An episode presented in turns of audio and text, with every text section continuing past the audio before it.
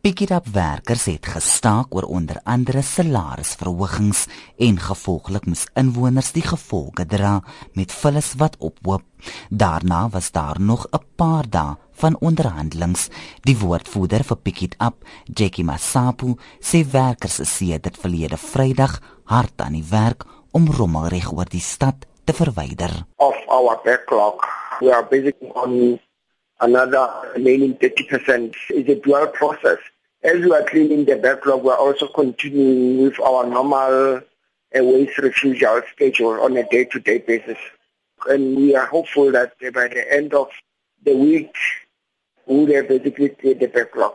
Masapu kon nie duidelikheid gee oor watter woonbuurte in Johannesburg nog agterstande in vullisverwydering het nie. Hy sê inwoners kan rommel ook by aflaaipunte en ashope gaan neersit, maar hulle besef inwoners wat laaste op die lys is, is gefrustreerd. If people still have like excess waste in their houses or homes, if they want to basically dispose it, they can still go and drop it at for the two uh, garden sites that are scattered across the city of Johannesburg or at our four landfill sites.